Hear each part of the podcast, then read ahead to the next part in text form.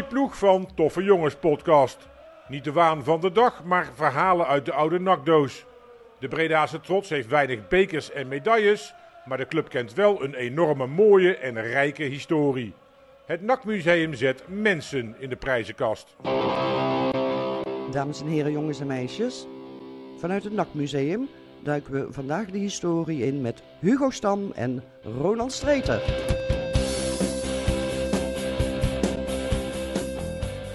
Beste luisteraars, vandaag 50 jaar geleden, zondag 10 december 1972 om half, half drie. Op deze bewolkte zondag kwamen ruim 21.000 supporters richting de Beatrixstraat voor de wedstrijd in de tweede ronde van de KNVB-beker. Ajax, een club die enkele maanden hiervoor de wereldbeker heeft gewonnen, kwam met veel topspelers naar Breda. De revanchegevoelens bij de Amsterdammers waren aanwezig, aangezien NAC op 3 oktober van datzelfde jaar, feitje, dat was trouwens de 1600 wedstrijd van NAC sinds 1912, de hoofdstedelingen met 2-0 had verslagen door twee doelpunten van Adi Brouwers. Drie dagen daarvoor was Ajax voor het eerst na bestaan wereldkampioen geworden. We gaan terug naar de koude zondagmiddag in 1972.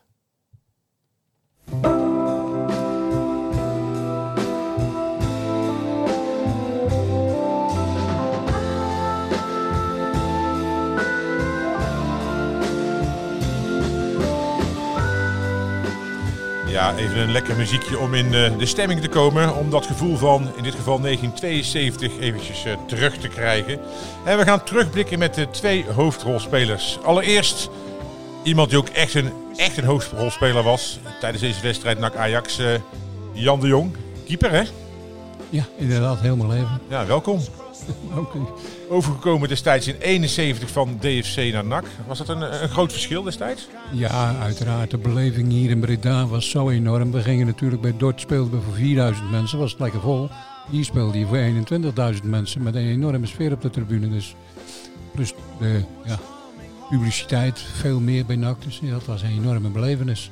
255 wedstrijden voor NAC. Daar mag je trots op zijn, denk ik. Ben ik ook, acht seizoenen lang. Naast jou zit eh, Ad Bakker. Ad, eh, jij speelde ook heel veel wedstrijden voor NAC. 298 eh, hebben we geteld. Dat is ook een behoorlijk aantal, hè? Ja, ik heb bij NAC gespeeld van 69 tot 79. Ja, ook overgekomen van DFC, net zoals als, als Jan. Ik ben anderhalf jaar eerder naar NAC gekomen als dat Jan kwam.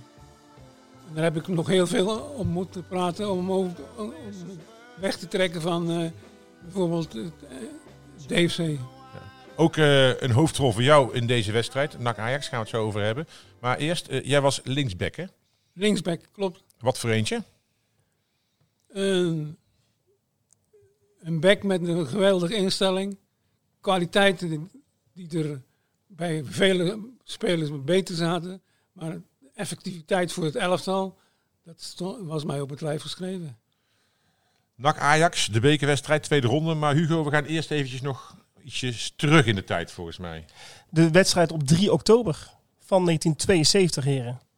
NAC won met 2-0 thuis door twee goals van Adi Brouwer. Eh, Brouwers, ja. Ja, Adi Brouwers, sorry. Eh, toch ook wel weer een bijzondere wedstrijd dat NAC thuis won van Ajax. Kunnen die wedstrijd eens be- beschrijven, heren? Ja, uiteraard kun je die beschrijven. Tenminste in zoverre dat we wonnen van Ajax. Nou, als je in die tijd van Ajax won, was het sowieso al een belevenis. Want dat, eh, ja, Ajax was het beste team ter wereld. Ajax was wereldkampioen, horen we net. En terecht. Ja. En iemand die dat goed door had, was volgens mij eh Adi Brouwers, hè? de spits van NAC. Ja, samen met Sjaak Zwart en uh, Ati Graumans. Die wilden er ook iets over vertellen. Toen hadden ze net de wereldbeker gewonnen en ik moest naar de wc. En eh, dat was toen zo dat de, de kleedkamer, je had de kleedkamer van de, van de gasten, van de tegenstander. En daarnaast was een wc'tje Ja. onder, onder de tribune. Hè. Mensen die het gezien hebben, die weten wel precies wat ik bedoel. Dus ik zat op de wc van de zenuwen en eh, ik denk, mijn god, wat hoor ik toch allemaal? En eh, ik hoorde zoiets van eh, zo'n beetje geneurie en zo.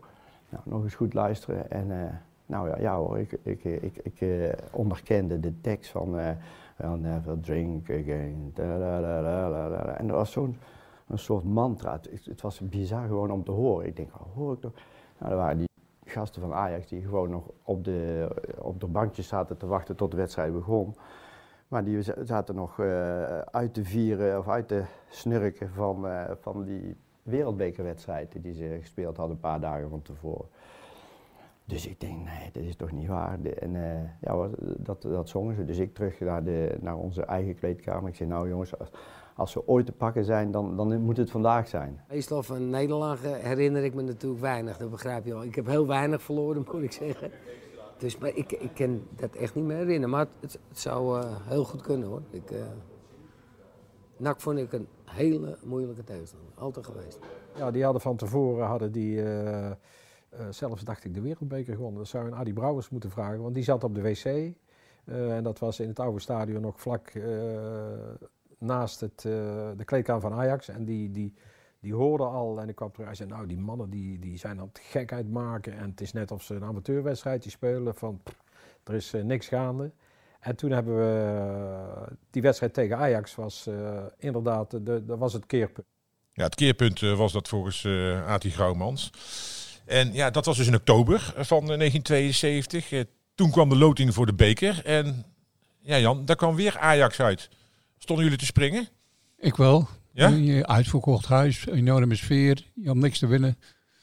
De mensen die niks te verliezen, je kon alleen maar winnen. Dus dat was fantastisch. Ja, dat had ook in oktober laten zien. Maar ja, wel de wereldkampioen weer die op bezoek kwam. eh. Ja, mooi. Dat is toch voor een sportman de mooiste uitdaging die er is.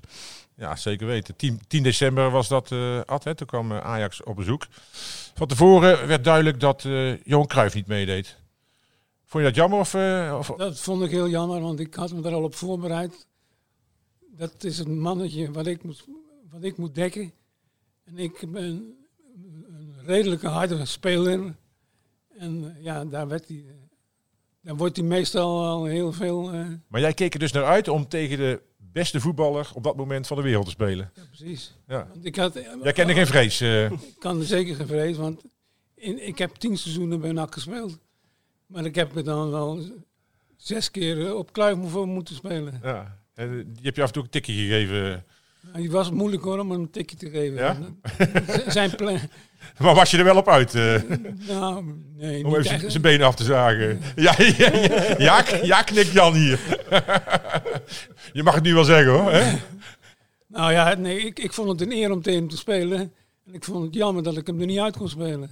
Snap ik heel goed. Piet Keizer deed deze wedstrijd trouwens ook niet mee. Die was geschorst deze wedstrijd. En de keeper aan de Amsterdamse zijde, Hein Stuy, die eh, was ook afwezig. Ja, ja, ja. Ha, maar het werd de wedstrijd van, eh, van Jan de Jong hè? Als, als, als, als over Wie, stond, wie, wie stond er als keeper? Cies Wever. Toch Ja, Cies, toch ja, Cies ja, Wever. ja. Ja, is beter als hij. Kijk, en dan hadden we ook nog eh Sjaak Zwart en eh, Johnny Rep die iets kunnen vertellen over de opstelling van Ajax in die wedstrijd.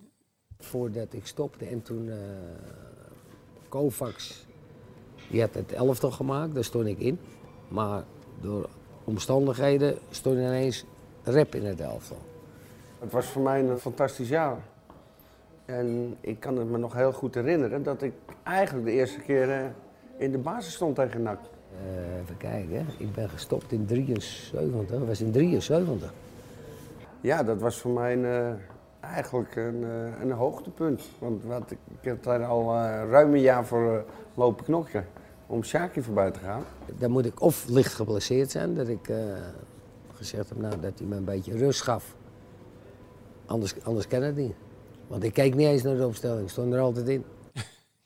En mannen, we gaan naar de wedstrijd zelf. Kunnen jullie die eens beschrijven voor mij? Ja, uiteraard. eh, uitverkocht huis, sfeer. Was fantastisch, een belevenis. En de derde helft, hier aan de overkant, dat was perfect.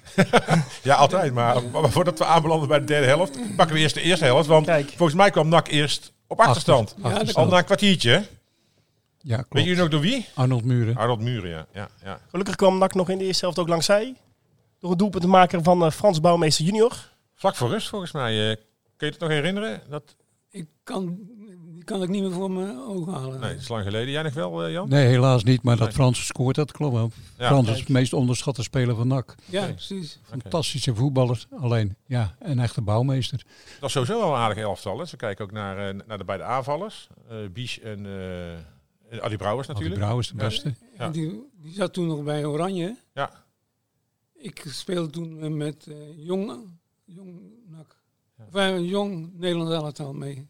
Ik drie wedstrijden meegespeeld. Ja, terwijl het seizoen eigenlijk eh, dramatisch was voor NAC. was hè? een dramatisch seizoen. Maar dat waren we gewoon. ja, nu nog eigenlijk. eh, wel. Hey, en Nou in, de, ja. in de verlenging, uiteindelijk werd het eerst 1-2 voor Ajax door eh Ariaan. Ja. En toen twee minuten voor tijd. We kijken even naar de overkant hier. Mooie goal van, eh, van de linksback van NAC. Ja. Ja. en boven in Den Haag.